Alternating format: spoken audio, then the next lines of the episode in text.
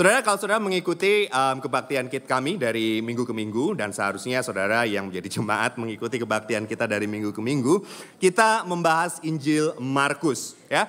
Saudara, Injil Markus dibuka dengan berita kedatangan Tuhan kita Yesus Kristus, ya.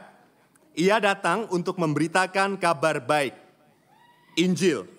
Yesus adalah Sang Mesias, raja yang dijanjikan di Perjanjian Lama dan ia datang untuk membebaskan umatnya dari kuasa dosa dan memanggil orang berdosa untuk bertobat dan percaya kepadanya. Dan saudara kalau saudara perlihat, um, um, melihat gitu ya dalam percakapannya dengan pemuka-pemuka agama Yahudi, Yesus menjelaskan lebih lagi identitasnya. Yesus menjelaskan lebih lagi misinya. Ia adalah Allah yang punya kuasa untuk mengampuni dosa. Ia datang bukan untuk orang benar, tetapi untuk orang berdosa seperti saudara dan saya. Ia datang untuk membuka era baru keselamatan melalui kematian dan kebangkitannya. Ia sendiri adalah Allah yang memberikan peristirahatan kekal bagi umatnya. Dan ia adalah Mesias yang membebaskan umatnya dari cengkraman iblis. Dan kalau sudah perhatikan mujizat demi mujizat dilakukannya untuk menunjukkan kuasanya, sekaligus membuktikan bahwa apa yang ia katakan tentang dirinya, apa yang ia katakan tentang misinya itu benar. Sudah lihat itu semua bukan? Dan semuanya itu, baik pengajaran maupun mujizat yang Yesus lakukan, itu menimbulkan berbagai macam reaksi. Ya, banyak orang yang mengejar Yesus supaya disembuhkan, dibebaskan dari roh-roh jahat. Banyak orang yang takjub melihat mujizat yang Yesus perbuat. Sebagian datang mencari Yesus, mendengarkan pengajarannya. Bahkan ada yang mengambil komitmen literally mengikut Yesus, mengambil bagian dalam pelayanannya, memberitakan Injil, menyembuhkan penyakit, mengusir roh jahat. Tetapi ada juga yang salah mengerti tentang Yesus. Ada yang menentang Yesus, memusuh Yesus, bahkan kongsian sama musuh mereka untuk sama-sama membunuh Yesus. Sebegitu bencinya mereka. I guess di sini nggak banyak ya yang benci sama orang langsung berencana main bunuh kan? I don't know about you. Tetapi ketika saya merenungkan hal ini, ada satu pertanyaan di hati saya. Mereka mendengarkan khotbah yang sama, betul? Mereka melihat perbuatan Yesus yang sama, betul? Tetapi mengapa reaksinya begitu berbeda? Dari ada yang meninggalkan pekerjaan bahkan keluarganya untuk mengikut Yesus. Tetapi ada yang membenci Yesus segitunya sampai mau membunuh dia. Why? People heard the same message. Saw the same miraculous deeds.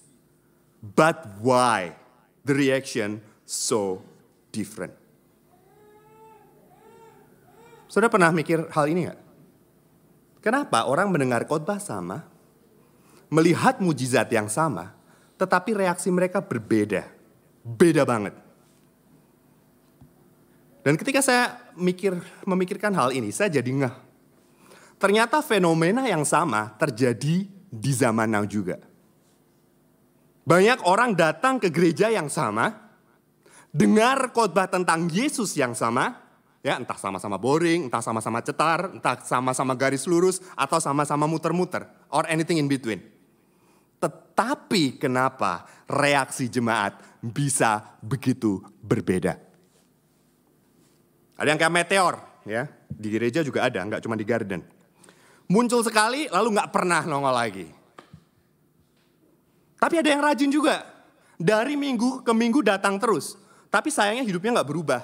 Yang ngambekan masih tetap ngambekan, yang kepahitan tetap kepahitan, yang hedon masih hedon, yang telat masih tetap telat. Tapi ada juga yang tiba-tiba jadi rajin doa, rajin pelayanan, rajin menjangkau, tapi tiba-tiba ngilang. Nggak pernah nongol lagi. Ada juga sih yang ngilangnya pelan-pelan, mundur teratur katanya. Terus ada yang kayak roller coaster gitu, naik turun terus. Tapi juga ada yang kerohaniannya kayak harga Yutandon. Pelan-pelan naik terus. Kenapa beda banget? Padahal kan dengar khotbah yang sama. How can two people who hear the same sermon produce a very different result? Pernah nggak saudara mikir hal seperti ini? Teks yang kita pelajari hari ini akan menjelaskan fenomena ini dengan jelas. Ya, mari kita buka bersama Markus 4 ayat 1 sampai 20. Markus 4 ayat 1 sampai 20. Ini merupakan perumpamaan yang sangat terkenal. The parable of the sower. Ya, bagi saudara yang nggak familiar, perumpamaan itu merupakan cerita singkat ya. Cerita yang biasanya diambil dari kehidupan sehari-hari yang dipakai Yesus untuk menjelaskan konsep kerajaan Allah dan mendorong pendengarnya untuk hidup seturut dengan kebenaran Allah ya. Jadi itu parable. Dan parable ini perumpamaan penabur itu merupakan perumpamaan pertama yang diajarkan Yesus ya. Banyak scholar itu bilang ini the parable of all parables karena perumpamaan ini menjadi kunci untuk memahami perumpamaan-perumpamaan yang lain ya. Kita baca bersama-sama Markus 4 ayat 1 sampai 20. Saya coba baca bagi saudara. Saudara menyimak ya di Alkitab saudara dalam bahasa Indonesia atau saudara bisa mengikuti bahasa Inggrisnya di layar. Markus 4 ayat 1 sampai 20. Pada suatu kali Yesus mulai pula mengajar di tepi danau. Maka datanglah orang banyak yang sangat besar jumlahnya mengerumuni dia. Sehingga ia naik ke sebuah perahu yang sedang berlabuh lalu duduk di situ. Sedangkan semua orang banyak itu di darat di tepi danau itu. Dan ia mengajarkan banyak hal dalam perumpamaan kepada mereka. Dalam ajarannya, ia berkata kepada mereka, "Dengarlah, ada seorang penabur keluar untuk menabur. Pada waktu ia menabur, sebagian benih itu jatuh di pinggir jalan, lalu datanglah burung dan memakannya sampai habis. Sebagian jatuh di tanah yang berbatu-batu, yang gak banyak tanahnya. Lalu benih itu pun segera tumbuh, tapi karena tipis, tetapi sesudah matahari terbit, layuyah ia dan menjadi kering karena tidak berakar. Sebagian lagi jatuh di tengah semak berduri, lalu makin besarlah semak itu dan menghimpitnya sampai mati sehingga ia tidak berbuah. Dan sebagian jatuh di tanah yang baik, ia tumbuh dengan suburnya dan berbuah Hasilnya ada yang 30 kali lipat, 60 kali lipat, ada yang 100 kali lipat. Dan katanya, siapa mempunyai telinga untuk mendengar, hendaklah ia mendengar. Ketika ia sendirian, pengikutnya dan kedua belas murid itu menanyakan dia tentang perumpamaan itu. Jawabnya, kepadamu telah diberikan rahasia kerajaan Allah. Tetapi kepada orang-orang luar segala sesuatu disampaikan dalam perumpamaan. Supaya sekalipun melihat mereka tidak menanggap, ya, tidak memahami. Sekalipun mendengar mereka tidak mengerti. Supaya mereka jangan berbalik dan mendapat ampun. Lalu ia berkata kepada mereka, Tidakkah engkau mengerti perumpamaan ini? Kalau demikian, bagaimana kamu dapat memahami semua perumpamaan yang lain? Perumpa penabur itu menabur firman. Orang-orang di pinggir jalan tempat firman itu ditaburkan ialah mereka yang mendengar firman, lalu datanglah iblis dan mengambil firman yang baru ditaburkan di dalam mereka. Demikian juga yang ditaburkan di tanah yang berbatu-batu, ialah orang-orang yang mendengar firman itu dan segera menerimanya dengan gembira, tetapi mereka tidak berakar dan tahan sebentar saja. Apabila kemudian datang penindasan atau penganiayaan karena firman itu, mereka segera murtad. Dan yang lain ialah yang ditaburkan di tengah semak berduri. Itulah yang mendengar firman itu Lalu kekhawatiran dunia ini dan tipu daya kekayaan dan keinginan-keinginan akan hal yang lain masuklah menghimpit firman itu sehingga tidak berbuah. Dan akhirnya yang ditaburkan di tanah yang baik ialah orang yang mendengar dan menyambut firman itu lalu berbuah. Ada yang 30 kali lipat, ada yang 60 kali lipat, dan ada yang 100 kali lipat. Berbahagialah saudara yang mendengarkan, merenungkan, percaya, dan melakukan kebenaran firman Tuhan. Mengapa reaksi orang begitu berbeda? Ketika firman Tuhan diberitakan, itu seperti benih yang sedang ditaburkan. Sebagian jatuh di pinggir jalan, sebagian di tanah berbatu-batu, sebagian di semak belukar, sebagian lagi di tanah yang subur. Dan pertumbuhan benih itu tergantung akan kondisi tanah di mana ia jatuh. Dan begitu juga dengan benih firman Tuhan. Saat benih firman Tuhan diberitakan, firman Tuhan akan tumbuh sesuai dengan kondisi hati di mana ia jatuh. Betul? Sebagian akan bertumbuh menghasilkan iman dan ketaatan kepada Yesus dan menikmati kehidupan berkelimpahan dalam Kristus, tetapi sebagian akan terbuang sia-sia tanpa menghasilkan apa-apa. Firman yang sama,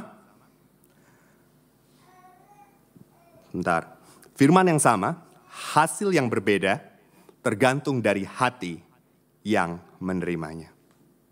Dan di parabel ini saudara, Yesus menggambarkan empat tipe hati yang mendengar firman Tuhan. Ya, saya berikan kepada saudara, all start with I to help you memorize it. Yang pertama, the indifferent heart. Yang kedua, the impulsive heart. Yang ketiga, the indecisive heart. Yang keempat, the invested heart. Ya, indifferent, impulsive, indecisive, invested heart. Mari kita bahas satu-satu. Dan saya percaya saudara yang sudah lama di gereja pasti sudah pernah dengar khotbah ini, at least sekali. Ya, but please don't switch off. Ya, jangan switch off. Saudara coba renungkan. Kira-kira mana yang menggambarkan kondisi hati kita saat ini? Oke? Okay? Don't, don't don't switch off, oke? Okay? Please. Yang pertama Saudara, indifferent heart hati yang acuh tak acuh akan firman Tuhan. Hati yang keras, hati yang gak peduli akan firman Tuhan. Firman Tuhan jatuh langsung ditang, langsung disantap oleh hungry birds ya, bukan angry birds, hungry birds. Maksudnya, firman Tuhan ditaburkan dan langsung diambil oleh iblis. Ayat 15. Orang-orang yang di pinggir jalan, tempat firman Tuhan ditaburkan, ialah mereka yang mendengar firman, Lalu segera, bahasa Inggrisnya immediately, entah kenapa nggak diterjemahkan dalam bahasa Indonesia. Segera datanglah iblis dan mengambil firman yang baru ditaburkan dalam mereka. Mengapa ada orang yang cuma FOMO ke gereja, ikut-ikutan? Kenapa ada orang yang rajin datang gereja tapi hidupnya nggak berubah samsek? Bahkan nggak tahu Injil itu apa. Mengapa ada orang yang defensif banget, benci sebegitunya sama Yesus? kayak orang Farisi, ahli-ahli Taurat, sebagian ateis atau umat beragama lain. Kenapa saudara? Karena hati mereka keras. Tidak mau mendengar, mempertimbangkan Injil. Dan kalau saudara perhatikan di Matius 3 yang paralel dengan kisah ini, Matius itu menegaskan. Bisa dilihat slide-nya berikutnya. Matius itu menegaskan bahwa mereka tidak mengerti firman itu. Jadi kebenaran firman Tuhan itu datang langsung diambil oleh iblis. Nggak ada kesempatan untuk bertunas, bertumbuh, apalagi berbuah. Let me ask you a question. Do you understand the word that you hear? Saudara mengerti nggak kebenaran firman Tuhan ketika firman Tuhan disampaikan? Entah itu lewat khotbah, Entah itu lewat saat teduh, entah itu lewat kelompok kecil atau saudara mendengarkannya di podcast atau baca buku. Saudara ngerti nggak firman Tuhan sedang diberitakan? I have a bad news for you. If you don't understand and you don't do anything about it, you are in this category. Kalau saudara nggak ngerti dan saudara nggak berusaha cari tahu, itu artinya saudara nggak peduli. Setuju nggak? Nggak ada yang berani mengangguk. Setuju nggak saudara? Dan saudara perhatikan nggak? Di sini, Yesus mengajarkan perumpamaan itu kepada orang banyak. A very large crowd. Saudara perhatikan itu di ayat 1. Next slide please. A very large crowd. Tetapi Ia hanya menjelaskan artinya kepada kedua belas murid-muridnya dan beberapa orang lain setelah mereka bertanya kepadanya. Jumlahnya jauh lebih sedikit. Saudara perhatikan di ayat 10. Pertanyaannya, yang lain ke mana? Kira-kira mereka ngerti nggak? I doubt it. Murid-murid Yesus saja nggak ngerti, apalagi mereka tetapi mereka ini nggak mau cari tahu, nggak peduli. Mereka hanya ikut-ikutan. Let's be honest. Are you in this category? Firman Tuhan nggak sempat bertunas, bertumbuh, apalagi berbuah. Langsung diambil si jahat.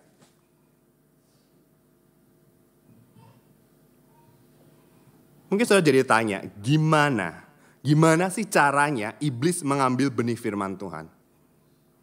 Rasanya ada begitu banyak cara. Let me only share two of them. Ya sisanya nanti saudara bisa diskusikan di kelompok kecil. Yang pertama, Satan distract our minds when the word is preached. Satan distract our minds when the gospel is preached.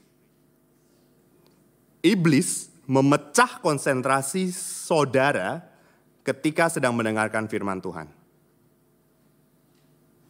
Saudara sadar nggak? Ketika saya sedang berkhotbah di tempat ini, iblis itu sedang aktif bekerja di sana. Mengambil firman Tuhan dari hati saudara. Sadar nggak saudara? Caranya yang paling gampang lewat HP saudara. Iblis menggoda saudara buat dengerin khotbah sambil balas WhatsApp, scrolling IG, dan baca Reddit. Mungkin saudara tanya sama saya, how do I know? Taulah saudara, kelihatan kok dari sini. Bukan setannya, tapi saudaranya. Gak ada orang yang baca ayat atau nyatet khotbah sambil senyum-senyum.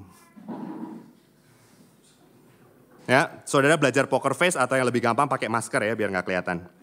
But still the word is taken from you. Firman itu diambil dari hati saudara. Saudara saya nggak against pakai smartphone untuk baca ayat atau take notes gitu. I don't, I'm not against it. But you need to know yourself.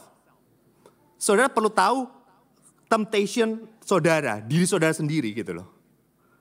Kalau saudara mudah tergoda, ada baiknya saudara matikan itu notifikasi. Atau saudara bisa aktifkan airplane mode. Atau kalau mau lebih ekstrim, going old school gitu. Bawa hard copy Bible, use pen and paper. Supaya saudara bisa mengerti. Dan firman itu enggak terambil dari saudara. Iblis memecah konsentrasi saudara dengan mobile phone. Dan cara lain ketika saya pikir, iblis itu menggoda saudara untuk multitasking. Terutama kalau saudara mendengarkan kebaktian atau ikut kakak online. Dengar firman sambil ngapain saudara? Makan. Terus? Kan gak ada yang jawab tuh, nggak nggak tahu atau malu? Udah, gua, saya kasih kasih jawabannya. Oke, sambil makan, sambil main game, sambil nugas, sambil lipat baju, sambil masak, dan sebagainya. Let's be honest. Oke, okay? efektif nggak? Enggak kan? Berapa hari yang lalu tuh saya harus dengerin mandatory training dari kantor. Tapi karena saya lagi sibuk, saya dengerinnya sambil kerja Dengerin sambil kerja, sambil balas email gitu. Selesai sih saudara dengerin ya. Tapi kalau saudara tanya, suruh saya jelasin apa yang diomongin, jujur li, saya nggak ingat sama sekali. Saya nggak bisa konsentrasi. Cuman kayak background noise gitu. At best saya tuh cuman ngerti sepotong-sepotong. Begitu juga dengan kita, ketika kita dengar firman Tuhan sambil nyambi. Cara lain, apa saudara?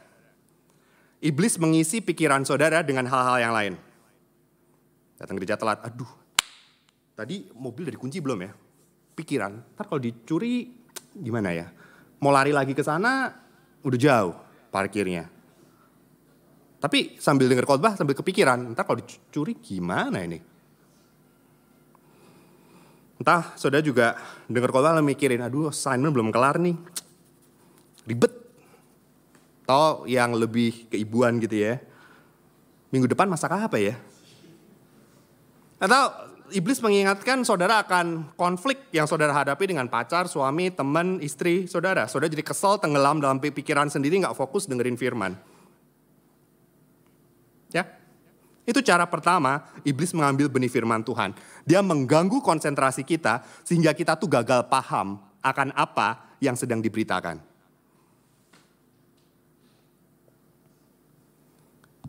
Yang kedua, Satan snatches the word as we harden our heart. Iblis menutup hati dan pikiran kita. Mungkin tuh kita udah kekeh gitu ya dengan pemikiran, dengan asumsi kita sendiri. Sehingga kita tuh nggak mau lagi mengerti sungguh-sungguh. Dan mempertimbangkan lagi apa kebenaran firman Tuhan yang dikotbahkan. Kita jadi kekeh, sudah punya presuposisi sendiri. Pokoknya ya menurut saya begini. Gitu. Jadi mau dikotbahin apa pun, pokoknya saya begini. Gitu. Berapa waktu yang lalu saudara saya dapat kesempatan ngobrol sama teman kantor yang beragama lain gitu. Ya, dia menghormati Yesus sebagai utusan Tuhan, tapi dia nggak mau mengakui kalau Yesus itu Allah yang turun ke dunia, menanggung dosa manusia. Bagi dia, Allah itu satu, besar dan kuasa jauh di sana nggak mungkin turun ke dunia. Yesus itu manusia biasa, guru yang mengajarkan kebaikan, patut dihargai namun nggak boleh disembah. Beberapa kali saudara dalam dalam kecap itu saya berusaha mempertanyakan asumsinya. Saya sedikit gitu ya menjelaskan gitu Allah Tritunggal bagaimana secara implisit Yesus itu menyatakan kalau dia adalah Tuhan. Tapi dia nggak tertarik, dia nggak mau dengar, dia nggak mau mempertimbangkan dia sudah bersikeras dengan asumsinya sendiri. Hasilnya apa? Tidak bermanfaat. Apa yang saya katakan langsung diambil oleh iblis. Iblis mengambil firman yang diberitakan melalui kekerasan hatinya. Dan ini yang sebenarnya terjadi bukan dengan orang-orang Farisi, orang-orang Taurat, ahli-ahli Taurat di zaman Yesus. Mereka itu sudah punya konsep sendiri tentang Mesias. Dan mereka menolak mempertimbangkan, jangan-jangan aku salah. Jangan-jangan apa yang Yesus itu katakan benar. Mereka sudah switch off duluan. Iblis mengambil benih firman Tuhan dengan mengeraskan hati kita. Itu yang pertama. Indifferent heart. Yang kedua, saudara. Hati yang cetek hati yang gak mikir panjang, the impulsive heart. Firman Tuhan jatuh di tanah yang berbatu-batu yang tipis tanahnya, sempat tumbuh bentar tapi pas kena matahari layu kering dan akhirnya mati. Karena apa? Nggak ada akarnya. Dan ini maksud yang yang Yesus katakan, ayat 16-17. Demikian juga yang ditaburkan di tanah yang berbatu-batu ialah orang-orang yang mendengar firman itu dan segera menerimanya dengan gembira tetapi mereka tidak berakar dan tahan sebentar saja. Apabila kemudian datang penindasan atau penganiayaan karena firman itu, mereka segera murtad. Sudah perhatikan nggak? Kata segera ini diulang berapa kali? Dua kali. Segera menerima, segera murtad. Orang ini hatinya nggak pikir panjang, impulsif, bahasa zaman namanya baperan gampang terbawa suasana. Saya pernah dengar khotbah online saudara yang mungkin ya menggambarkan kondisi seperti ini. Saya nonton suasananya tuh bener-bener seru ya. Khotbahnya eloquent banget gitu ya. Terus pengkhotbahnya lari ke sana kemari dari ujung panggung ke ujung lain gitu. Terus ada kayak cheerleadersnya gitu saudara. Bentar-bentar tepuk tangan. Terus keren ya pas tepuk tangan ada musiknya. Terus bentar-bentar kedengaran amin, haleluya, praise the Lord, preach it. Saya bisa bayangkan, pulang dari kebaktian kayak gini pasti happy bukan? Lift it up. But me being me, I'm a bit skeptical. Saya mikir gini, ini mereka ngerti gak sih apa yang dia khotbahin? Kenapa saya mikir gitu? Lawang pengkhotbahnya belum selesai ngomong, udah tepuk tangan, udah ngomong amin. Bukannya mestinya ditunggu selesai dulu kalimatnya, setuju baru ngamen, ngomong amin kan? Amin? Nah sekarang nggak ada yang berani ngomong amin. Boleh, tapi dipikir dulu. Ngerti, setuju, baru amin. Aman?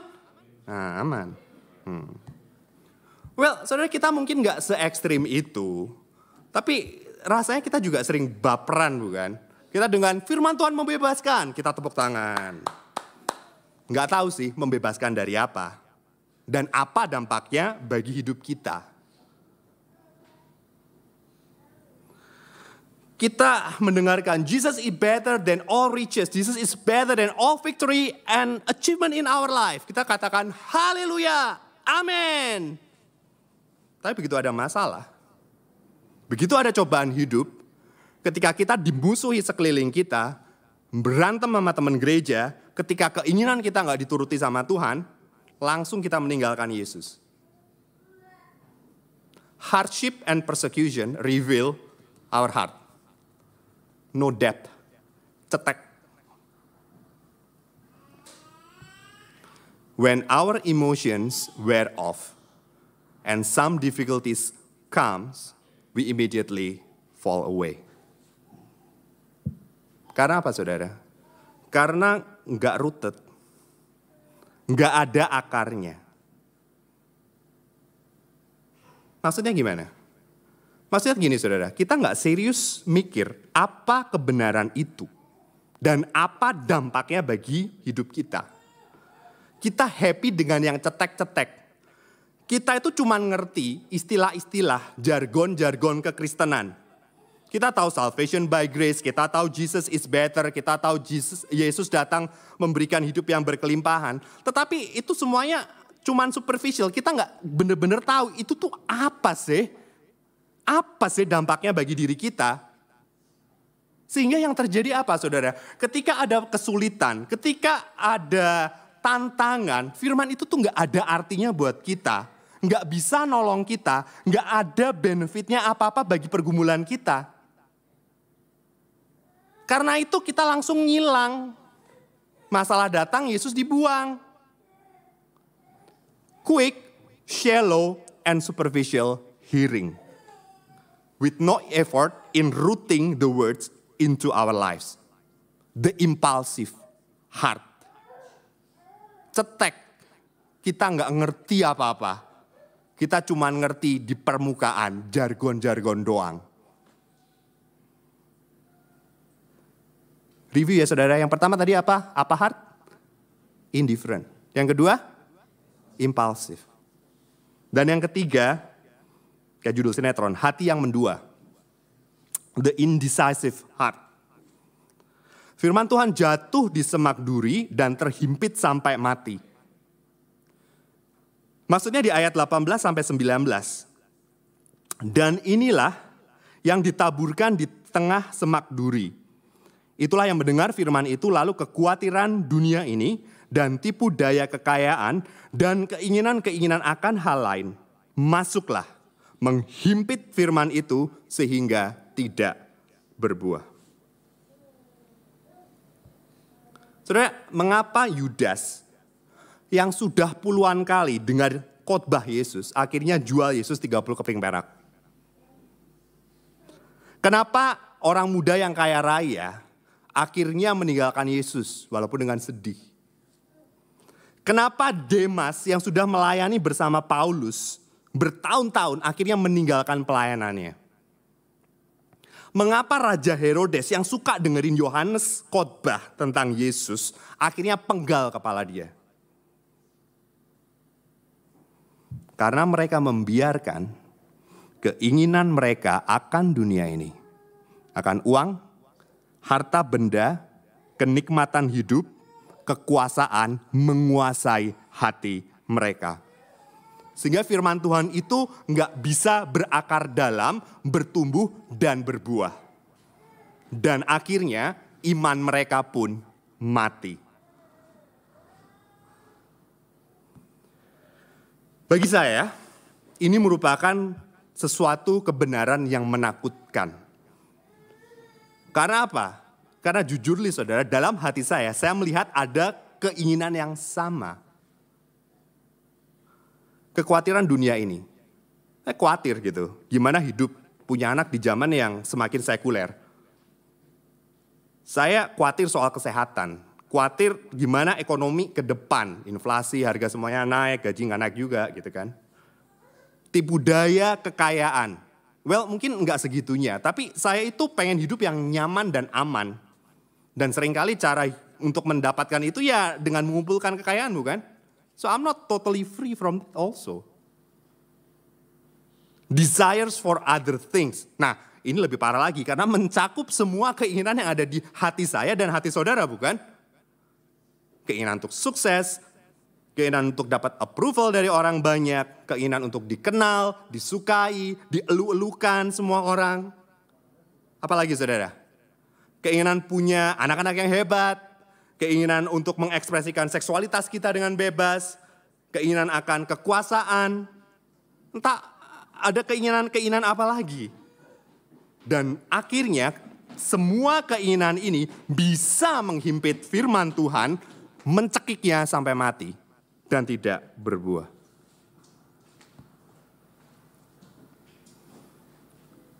Sudah curious nggak? Gimana sih keinginan-keinginan itu bisa mencekik firman Tuhan? Saya mikir gini saudara,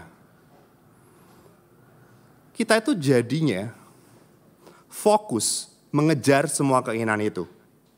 Kita curahkan semua energi kita untuk menggapai keinginan tersebut. Kita nggak punya lagi desire, time, and energy untuk merenungkan firman Tuhan. Kita nggak punya lagi desire, time, and energy untuk merenungkan firman Tuhan. Akhirnya firman Tuhan itu mandul, nggak bisa bertumbuh dan berakar dalam di hati kita. Dan saudara bisa tebak kan apa yang terjadi? Kuasa firman Tuhan semakin lemah dan suara keinginan kita semakin keras. Sampai suatu saat hati kita dikuasai total oleh kekhawatiran dunia, godaan kekayaan, dan keinginan-keinginan lainnya itu. Are you with me? Dan pada saat itu, kita mengikuti Yudas, pemuda yang kaya raya, Raja Herodes, dan Demas. Meninggalkan Yesus. Why do I call this indecisive heart?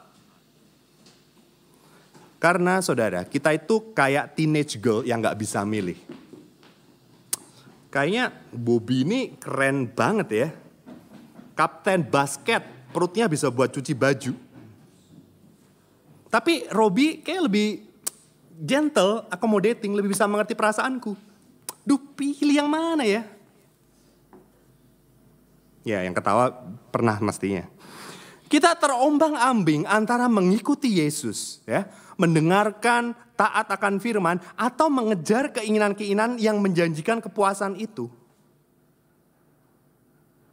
Pada akhirnya saudara, kita harus memilih. Right from the beginning. Kita mau membiarkan Injil itu berakar kuat dalam hidup kita. Melihat keinginan hati kita dalam terang firman Tuhan. Dan mematikan keinginan yang berlebih dengan firman Tuhan tersebut. Atau membiarkan keinginan kita merajalela dan mencekik mati firman Tuhan yang pernah kita dengarkan. Dan kita akan meninggalkan Yesus. Kita harus memilih. Kita nggak bisa mendua. Itu indecisive heart. Hati yang nggak bisa memilih, hati yang mau mendua. Dan Yesus bilang, kamu nggak bisa menyembah Tuhan dan Mamon.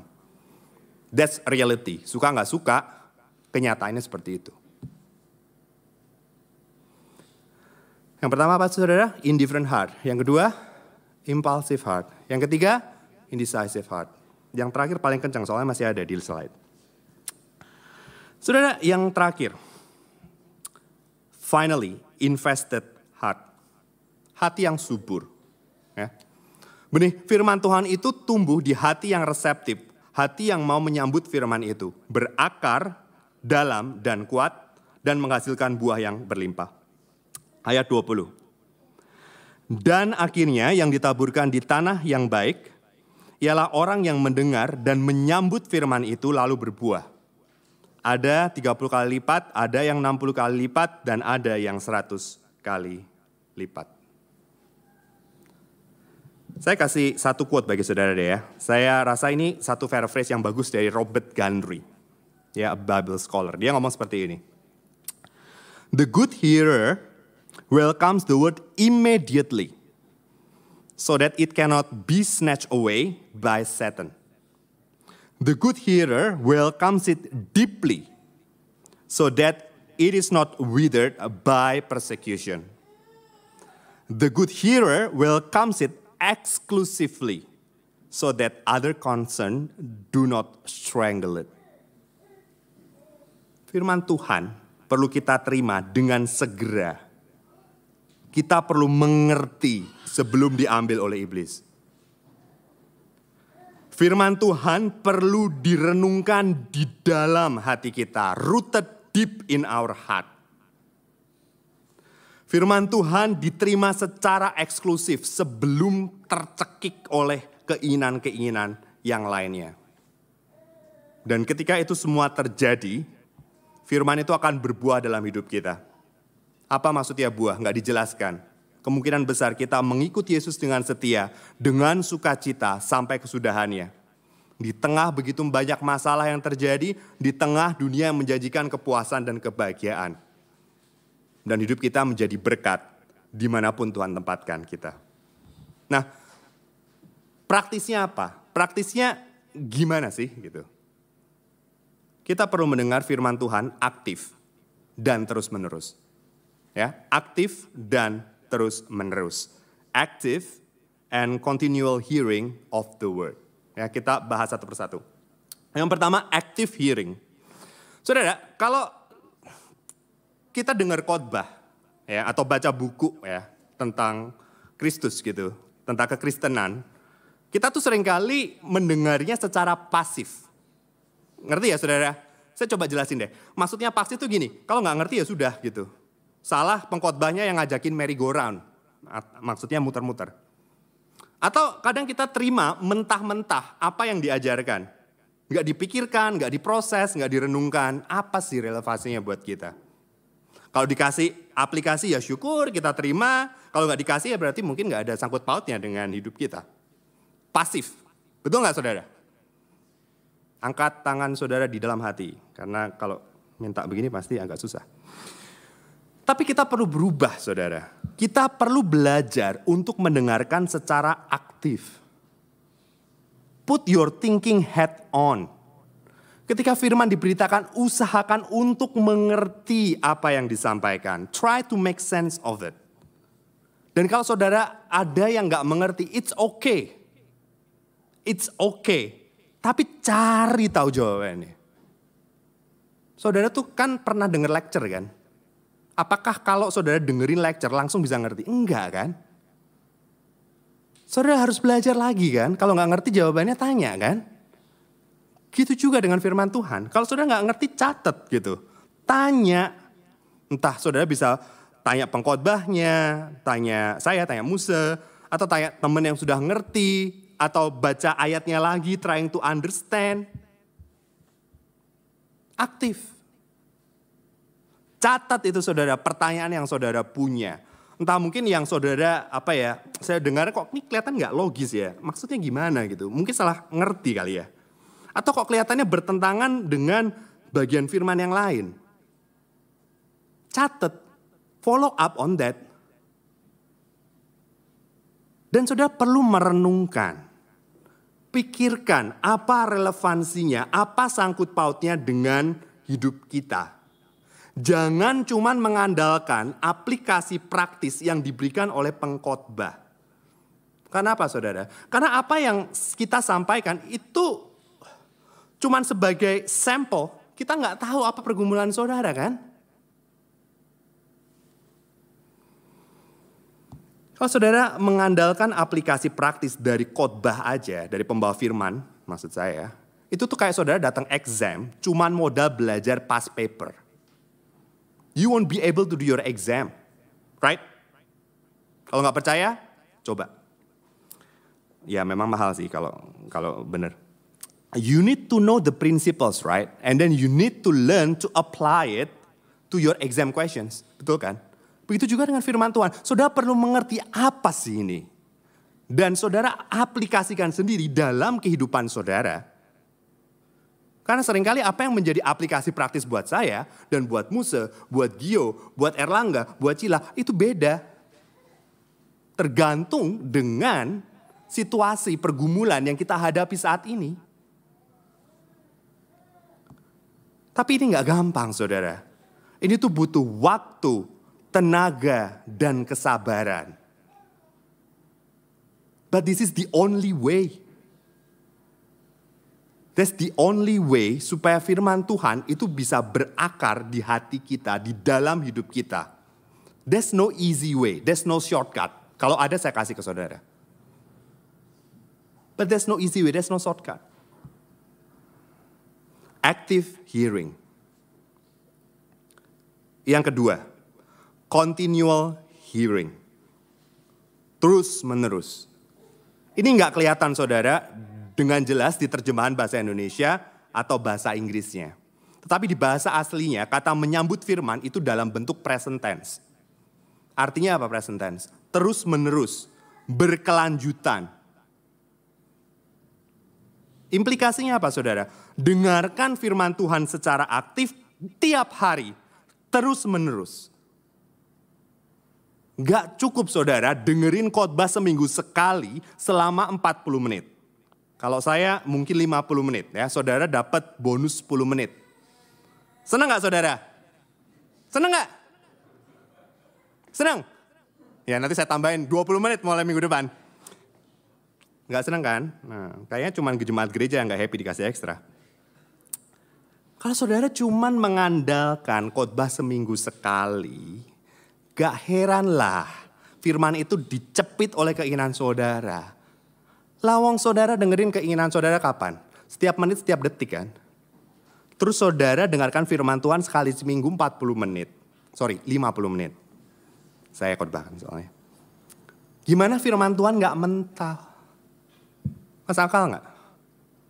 Kalau gak masuk akal, catat ya, nanti tanya sama saya. We need to hear the word actively and continually. Dan kita lakukan itu dengan berdoa. Kita minta hikmat dari Roh Kudus. Kita minta kekuatan dari Roh Kudus juga untuk menerimanya. Walaupun kadang firman Tuhan itu bisa mengobrak-abrik hidup kita. Kita minta juga kekuatan untuk menjalankannya. Supaya kita itu bisa melakukannya sepenuh hati. Tentunya nggak sempurna, tetapi setia. Sepenuh hati. Wholeheartedly. Karena apa saudara? Karena inilah yang menandakan kita itu Kristen. Pengikut Kristus atau bagian dari kerajaan Allah. Keluarga Allah. Saudara ingat nggak khotbah minggu kemarin? Yang dibagikan Cornel. Markus 3, 34, 35. Di sini dikatakan, inilah ibuku dan saudara-saudaraku. Barang siapa? Melakukan kehendak Allah. Dialah saudaraku laki-laki dialah saudaraku perempuan, dialah ibuku. Saudara, yang sering kali kita nggak sadari, firman Tuhan itu membawa pemisahan. Firman Tuhan itu membawa pemisahan. Ada yang di dalam dan ada yang di luar. Insider dan outsider. Orang yang menolak firman Tuhan ada di luar. Dan orang yang mendengarkan firman Tuhan, merenungkannya dan melakukannya ada di dalam kerajaan Allah. Karena Yesus sendiri berkata kepada kedua belas rasul dan sedikit orang tadi yang mengikutinya, yang dia tanya apa arti parabel itu, di Markus 4 ayat 11. Di sini dikatakan seperti ini. Kepadamu telah diberikan rahasia kerajaan Allah. kepadamu diberikan rahasia kerajaan Allah. Tetapi ke, kepada orang luar segala sesuatu disampaikan dalam perumpamaan. Supaya apa saudara? Supaya mereka melihat tapi mereka nggak menanggap, mereka mendengar tapi mereka nggak mengerti, supaya mereka nggak berbalik dan pendapat ampun. Bagi kita yang sungguh mencari dia, bagi kita yang merenungkan firman Tuhan, Tuhan akan singkapkan kebenaran itu pada kita. Tetapi bagi orang yang keras, yang acuh tak acuh, yang cetek, nggak mau pikir panjang, yang mendua hati, firman Tuhan itu cuma sekedar background noise. Kita melihat, tapi kita nggak melihat, kita mendengar, tapi kita nggak mendengar. Dan itu tidak akan mendatangkan keselamatan. Nggak akan mendatangkan hidup berkelimpahan yang hanya ada di dalam Yesus Kristus. We are forever on the outside.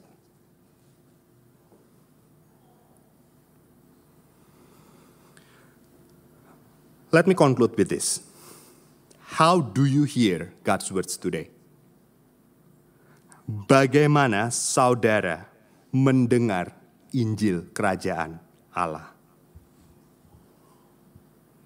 Apakah saudara mendengar dan saudara menolak dan tidak mendapat benefit apa-apa dari firman Tuhan? Apa saudara mendengar, saudara merasa happy, tapi saudara tidak membiarkan itu berakar dalam hati saudara dan membuat perubahan dalam hidup saudara? Apakah saudara mendengar Injil tapi saudara nggak mau commit to it? You refuse to change. You refuse to choose. And let your own desire kill it. Atau saudara mendengar firman Tuhan, saudara menerimanya. Saudara menyambutnya dan membiarkan kuasanya mengubah hidup saudara dan saya.